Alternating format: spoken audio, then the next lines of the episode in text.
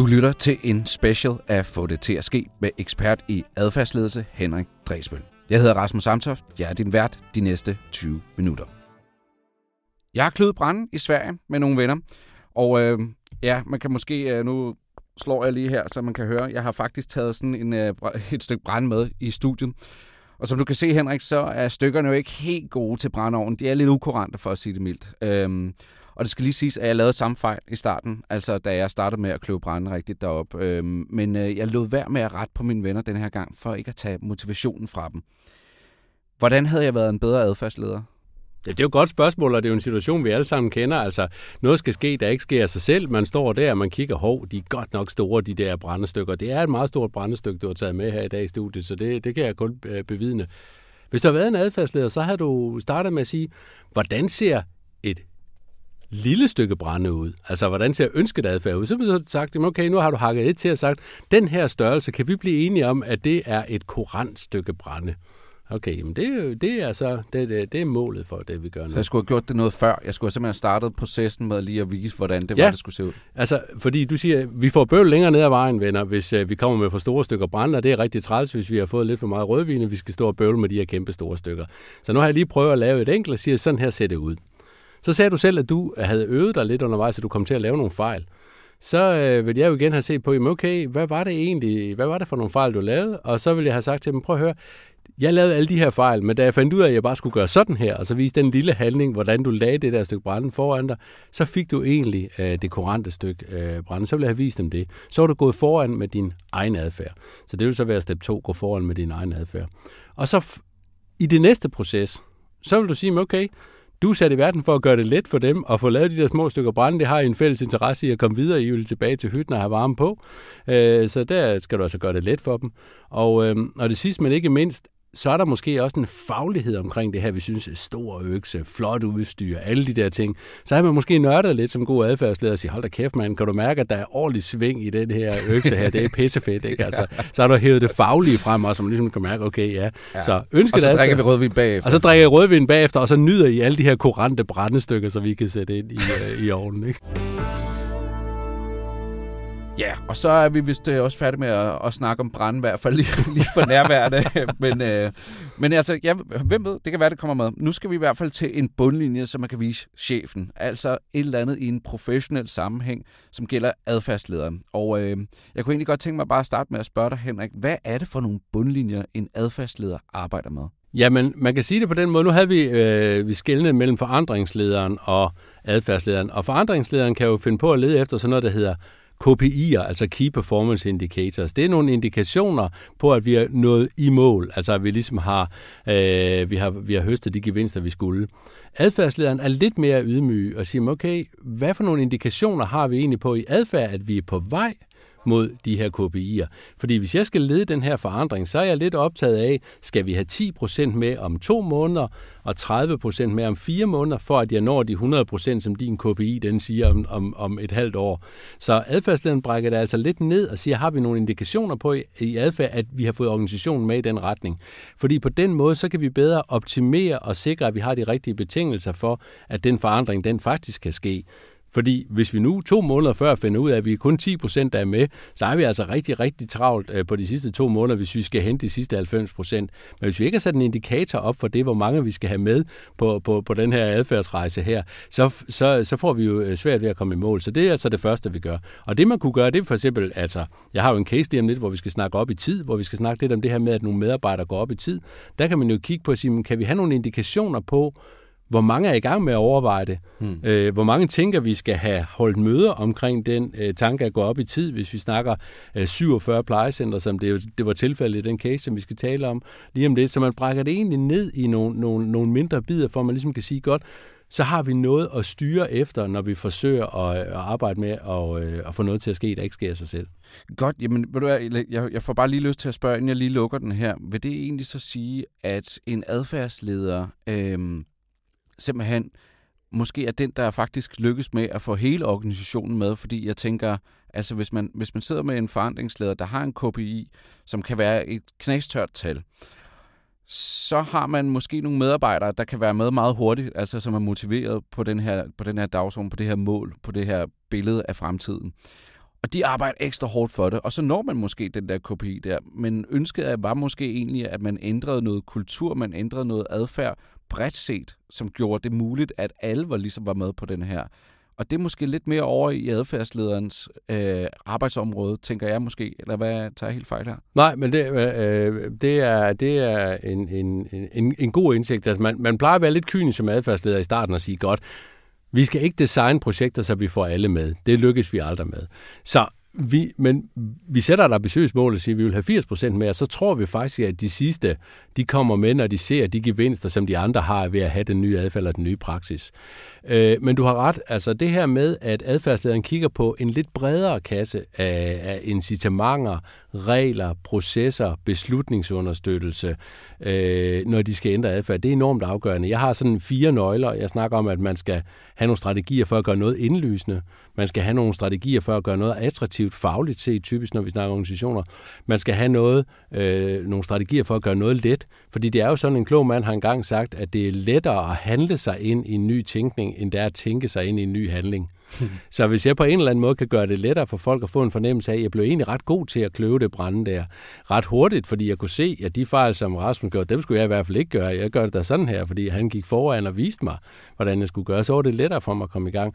Og så det sidste, det her med at gøre noget givende. Altså, hvordan har jeg strategier for at rykke min feedback tættere på mine venner, når de nu står og kløver, og så siger okay, prøv, prøv at gå til den derude fra, siden på den, prøv at ramme den der, så er jeg sikker på, at vi får et, et optimalt stykke brænde den vej rundt. Altså, I stedet for, at de bare stod og svedte og svedte, og vi brugte længere tid på det. Længere længere tid, ja. ikke? Altså simpelthen rykke feedbacken og gøre det givende og gøre det nye Så det er praksis, det er praktik, det er, praksis, det er teknik simpelthen? Teknik, altså, så jeg plejer at sige, det er, jo, det, er jo, det er jo systematikken bag den måde, du arbejder med adfærd, og så er det måderne og grebene, du har til at hjælpe med, der gør adfærdslederen rigtig, rigtig god, hvis han eller hun har en stor Rasmus Klump, øh, hvad hedder det, sådan en øh, værktøjskasse med sig ud, øh, så, så, øh, så er der større sandsynlighed for, at noget kommer til at ske.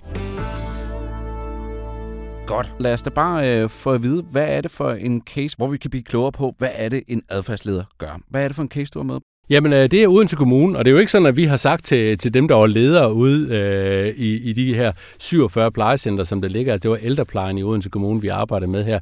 Det er ikke sådan, at vi har sagt til dem, nu er du adfærdsleder, men vi har sagt til dem, at vi vidste, at der var en række strategier for at få den her brede palette af mennesker til at overveje, om vi skulle gå op i tid. Og det er jo sådan, at altså, med, medarbejdere for eksempel går op i tid. Altså her helt konkret, der var det altså 47 plejecenter i Odense Kommune, hvor der er en lang række af medarbejderfunktioner. Her var det sociomedarbejderne, vi siger, kunne vi starte en samtale hos dem om at gå op i tid.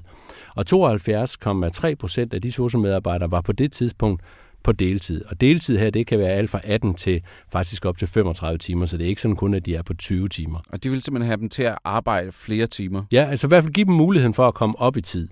Øhm, og der gik de sammen med flere parter og siger, okay, hvor fleksibelt kan vi egentlig gøre de her vilkår? Fordi man kunne jo konstatere, når man kiggede på tallene, at egne timer, altså hvis vi fik dækket dem med vores egne gode medarbejdere, så var de både bedre og billigere, end hvis vi købte vikar, fordi man ikke fik så meget onboarding af nye medarbejdere hele tiden ind i processen, og så kom der en ny hver dag. Det kunne godt være skabe en del øh, frustrationer blandt de ansatte. Og så siger vi, okay, den her samtale, den må man da have haft før. Jeg skal, bare lige, jeg skal bare lige hurtigt spørge dig, fordi, bare for at forstå det helt rigtigt. Så det vil sige, at det, det var, man, man måske også sådan, simpelthen tabte trivsel på det, man tabte øh, penge på at bruge penge på, på, på nogle vikarer, i stedet for, at der var nogen, som var på deltid, som kunne gå ud og udfylde de timer, som man havde brug for at blive udfyldt. Altså, så det var simpelthen både en bundlinje, der handlede om tørre tal, men måske også, at dem, som var på arbejde, de så også skulle bruge ekstra tid på at oplære nogle specifikke behov, der var ude på de her plejehjem, som man måske ikke behøvede, hvis man havde en, der bare var fastansat det, det sædvanlige antal timer. Ja, præcis. Og der, der definerede vi den måladfærd, som vi talte om før, den definerede vi egentlig som lidt op i tid. Altså det at gøre lidt kan også gøre noget. Øh, og der, der er lidt op i tid, det er både i forhold til trivsel ind imod organisationen, altså at vi faktisk fik det øh, lidt mere luft, og vi fik overskud til at måske tale lidt pænere sammen. Vi kunne begynde at have overskud til at være lidt længere hos borgeren, og på den anden side altså også ud mod borgeren, altså at borgeren oplever, at der netop var mere luft, og der var mere overskud hos, øh, hos den enkelte øh, socialmedarbejder i hverdagen. Så det var, der var gevinster hele vejen rundt. Og sige, okay, det her det er jo en no-brainer. Den her samtale må man da have haft før. Det har man også gjort rigtig, rigtig mange gange. Og her var der så det, at Odense Kommune sagde, at vi hælder lidt ekstra midler, så der var penge i området. Vi gør det mere fleksibelt, så hvis man har lyst til at gå op i tid, så kan man prøve det af en uge, tre uger, fire uger, og der er ikke nogen, der ser skævt til, jer, hvis I går ned igen. Så siger man, okay, hvad med de her ledere? Hvad, er, er det måske faktisk dem, der sidder som med den heldige gral? Er der et eller andet her, der at de gør forkert? Og det viser sig, at mange af dem, de øh, sad jo og kunne godt lide at bruge vikardækning, fordi så kunne de måske bedre styre øh, deres vagtplanlægning, fordi så vidste de sådan ligesom at sige, okay, nu har vi den lille skab, øh, hvad hedder det, stab af medarbejdere, det koster det her, og så dækker jeg, hvor der er mulighed øh, med vikar for resten. Og det var sådan, det var et scenarie. Så begyndte vi sådan at undersøge, jamen, de er blevet spurgt før, men mange rapporterede, at de var måske ikke sådan blevet spurgt før, og sådan systematisk. Så kan det være sådan helt banalt, at vi kan prøve at spørge? Øh, så de havde simpelthen ikke, altså med lederne havde simpelthen ikke spurgt medarbejderne? Ikke systematisk på ja. tværs af alle 47 center. Nogen havde gjort, nogen havde ikke. Så sagde okay, lad os prøve at se. Vi prøver at lave fi- tre mikrohandlinger. Og de her mikrohandlinger, de skal have en eller anden form for bundlinje, altså de skal lede til, at vi får nogle flere timer. Og de her flere timer, det er jo ikke kun fysiske timer, det er altså også timer, der kunne give trivsel på medarbejdersiden og bedre nærvær til borgerne på den anden side. Og der sagde vi i første omgang, kast lys på mulighederne, det er adfærdslederen, det er den første mikrohandling, du gør. Vis, hvad er der egentlig af muligheder her. Gør det helt konkret. Hold møderne, om det er grupper eller enkeltvis. Gør det attraktivt. Vis det øh, og kast mulighederne på bordet. Fordi det kan godt være, at man ikke lige har tænkt over, hov, har du lyst til at gå op i tid? Prøv at se her på, hvor mange muligheder der er. Det er ikke sådan, at du behøver at være der for altid osv. osv. Så den samtale havde de. Og den kan man jo godt have været på det kursus og høre om. Det er da skide godt, det går vi hjem. Kast lys på mulighederne. Og der er der jo mange, der er stoppet i sådan en kampagnemode og sagt, okay, nu har vi da kørt den kampagne, alle synes, det er fantastisk og attraktivt. Men når du arbejder med adfærd, så ved du godt, at så skal sådan noget modnes, det tager noget tid. Så vi sagde, jamen, hvad så med om to uger, tre uger, så tager I samtalen igen og siger, jamen, hvad for nogle overvejelser har I så gjort jer? Og den satte man simpelthen i kalenderen, gjorde det meget systematisk, så tog man de her opfølgningssamtaler. Og så det var altså mikrohandling 2.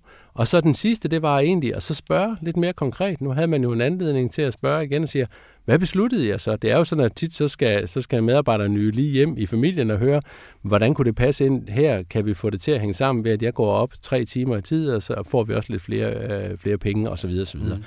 Øh, så det var altså den tredje mikrohandlingssøg afklaring. Og de tre handlinger til sammen gennemføres systematisk.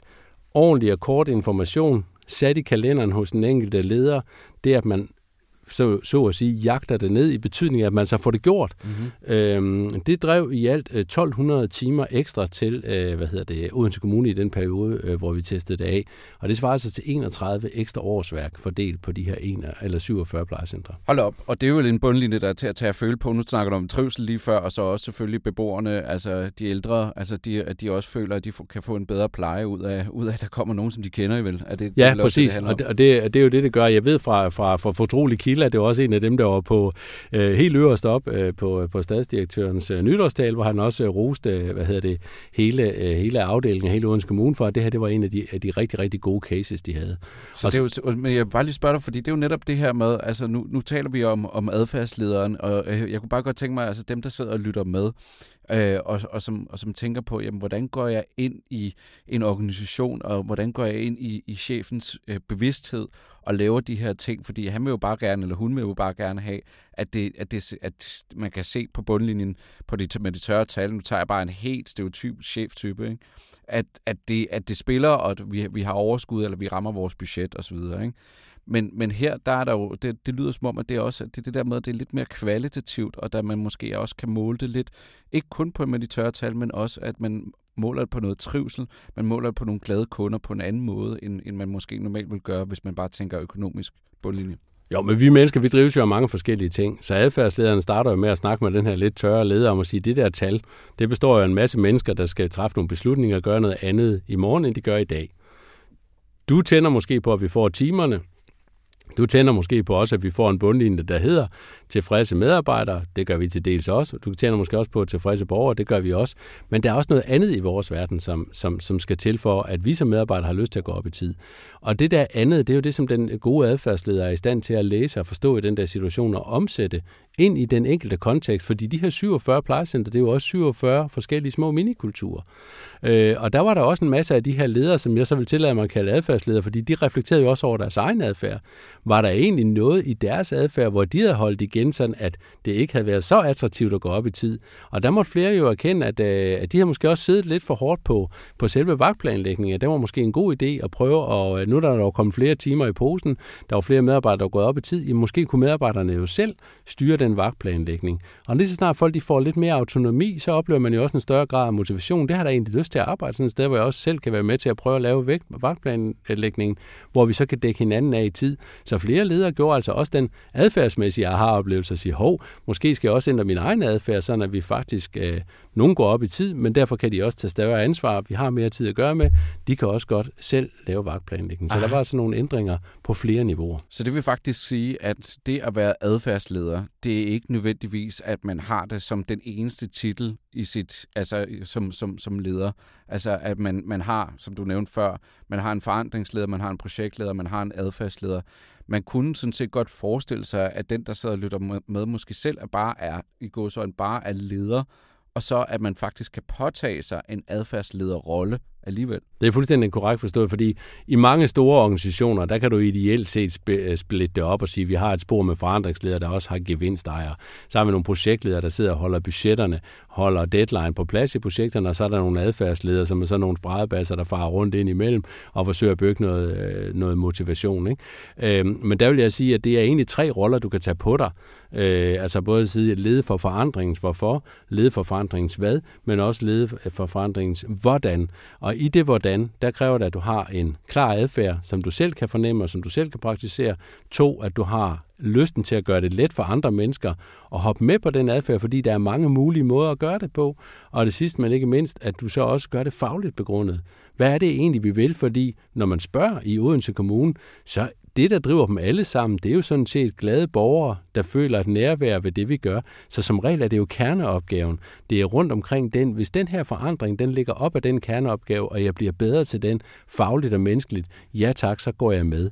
Og der er det jo klart, at der er det adfærdslederens opgave at oversætte de faglige, øh, faglige greb og faglige blikke ind i diskussionen og samtalen om at gå op i tid. Og der designede I simpelthen de her tre mikrohandlinger, som gjorde det muligt at simpelthen kortlægge, hvad er det for en adfærdsrejse, vi skal på, og hvordan når vi det nemmest og bredest muligt. Præcis. Okay, lad os give lytteren en liste med de vigtigste pointer fra i dag til at få det til at ske som adfærdsleder. Lad os gøre det, som vi altid siger, kort, klart og banalt, Henrik. Forstå ønsket adfærd.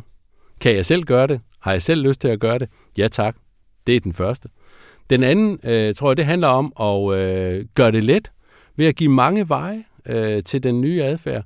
Øhm, altså man er en facilitator for det. Altså hvordan kan jeg gøre det let øh, for folk at handle sig ind i, i den her forandring? Det vil være mit greb nummer to. Og det sidste greb, det er øh, lys på de små sejre. Altså, vi fik øh, tre timer mere. Det er super godt lægge en fortælling på, hvor man oplevede ude ved en borger, hvor vi faktisk havde ekstra overskud til, til det bad, eller hvad det var, øh, der skulle gøres, øh, sådan at der bliver koblinger mellem de ændringer, organisationen gør, og så de oplevelser, der er ude ved de borgere, vi skal hjælpe. Lave en lille fortælling om det, så får jeg lyst til at gå med. Jamen altså, så med de kloge ord, som du lige kan proppe i lommen og gå ud og øh, forandre og få tingene til at ske som adfærdsleder, så vil vi slutte af for i dag. Det er nemlig vejs ende for denne special at få det til at ske med ekspert i adfærdsledelse Henrik Dresbøl. I næste special tager vi hul på selve adfærdsrejsen fra intention til handling. Jeg hedder Rasmus Samtoft. Vi lyttes ved.